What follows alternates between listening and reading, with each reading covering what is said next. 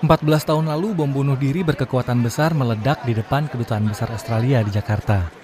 Polisi sempat kesulitan mencari identitas pelaku bom bunuh diri. Maka mereka pun menemui Profesor Herawati Sudoyo dari lembaga Eijkman. Jadi begitu kita bilang iya ya udah langsung penuh lab ini penuh dengan Densus 88 lah penuh dengan teman-teman Polri itu semuanya. Jadi dan mereka itu kan selalu mengikuti terus. Jadi ini ini lab penuh deh. Anda sedang mendengarkan Sains Sekitar Kita. Sains Sekitar Kita. Produksi KBR dan The Conversation Indonesia.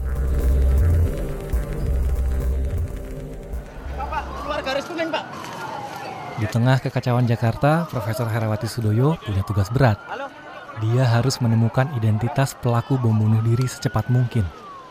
Semua tim peneliti Lembaga Biologi Molekuler Eijkman langsung kerja nonstop dibantu peralatan laboratorium super canggih, mirip adegan CSI di jaringan TV kabel.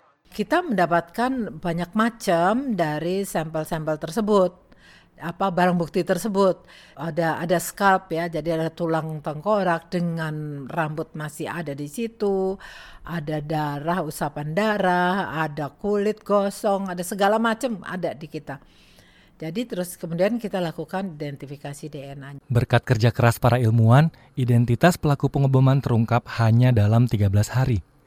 Lembaga Eijkman dan ilmu biologi molekuler langsung naik daun. Begitu juga dengan Profesor Herawati yang diganjar banyak penghargaan. Salah satunya Habibie Award yang bergengsi. Dia dianggap telah membuat terobosan dalam meletakkan dasar pemeriksaan DNA forensik untuk kasus terorisme. Untuk lembaga Ekman, kita bisa membuktikan kepada publik bahwa penelitian fundamental yang kita lakukan di suatu di lembaga ini itu dapat langsung diaplikasikan untuk kemanusiaan.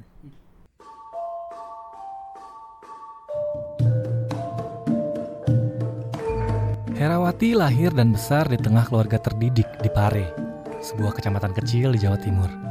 Sejak dulu dia suka seni, tapi ayahnya yang seorang tentara ingin Herawati jadi dokter. Meski berat, dia ikuti kemauan sang ayah dan masuk Fakultas Kedokteran Universitas Indonesia pada 1971. Ada beberapa profesi yang disukai oleh orang tua, yaitu pertama dokter, kedua insinyur. Di luar itu bukan apa-apa. Dan pada waktu uh, saya kuliah uh, selesai, yang saya tuju itu misalnya akademi tekstil, akademi lanskap.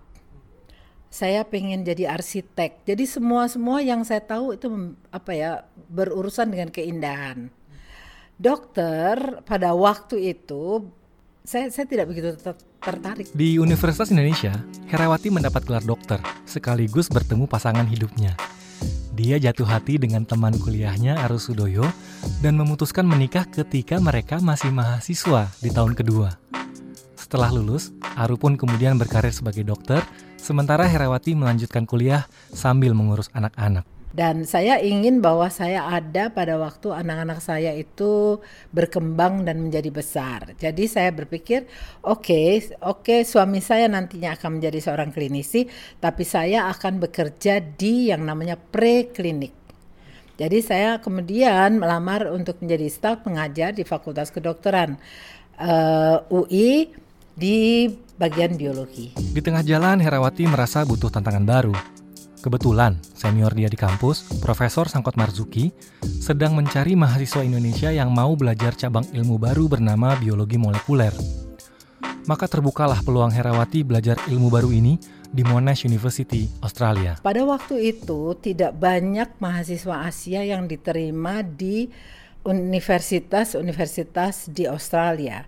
Dan apabila pun ada, mereka itu sudah melalui suatu seleksi yang sangat ketat. Prof Sangkot melalui kontak-kontaknya itu uh, melakukan suatu perjalanan untuk mencari kandidat mahasiswa dan dari uh, interview yang diselengga atau dilakukan secara sangat-sangat informal maka saya terpilih lah uh, untuk diterima sebagai mahasiswanya. Biologi molekuler langsung memikat hati Herawati. Soalnya Ilmu ini mempelajari keunikan makhluk hidup lewat bagian molekuler yang paling kecil, seperti DNA, RNA, dan protein. Herawati yakin betul ilmu baru ini sangat diperlukan di masa depan. Itulah alasan kenapa dia mengabaikan omongan-omongan nyinyir tentang biologi molekuler. Saya bekerja dengan suatu penyakit yang uh, namanya penyakit mitokondria, yang sebenarnya penyakit genetik yang sangat jarang.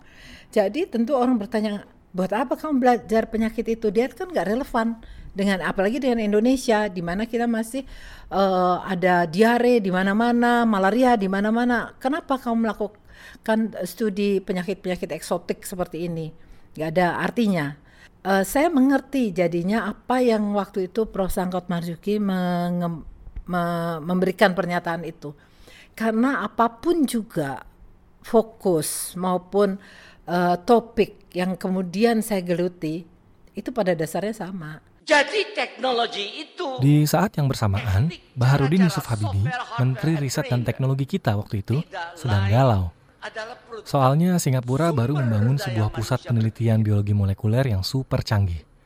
Nggak mau ketinggalan, Habibie pun langsung berinisiatif mendirikan lembaga penelitian biologi molekuler di Indonesia. Cari orang Indonesia untuk membangun suatu lembaga penelitian biologi molekul. Ada beberapa kandidat tapi akhirnya uh, Prof Sangkot.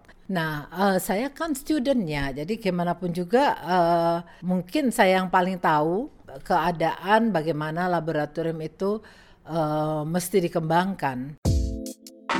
Bersama Profesor Sangkot, Profesor Herawati mendapat tugas negara untuk menyiapkan pendirian lembaga biologi molekuler ini. Akhirnya pada 1992, Lembaga Biologi Molekuler Eijkman resmi berdiri. Profesor Herawati didapuk menjadi Deputi Direktur Bidang Riset Fundamental. 25 tahun lebih, Profesor Herawati Sudoyo berkarir di sini. Dia bertekad akan terus membongkar keindahan rahasia terkecil makhluk hidup, menjelajah dari DNA ke DNA. Sains Sekitar Kita. Sains Sekitar Kita. Produksi KBR dan The Conversation Indonesia.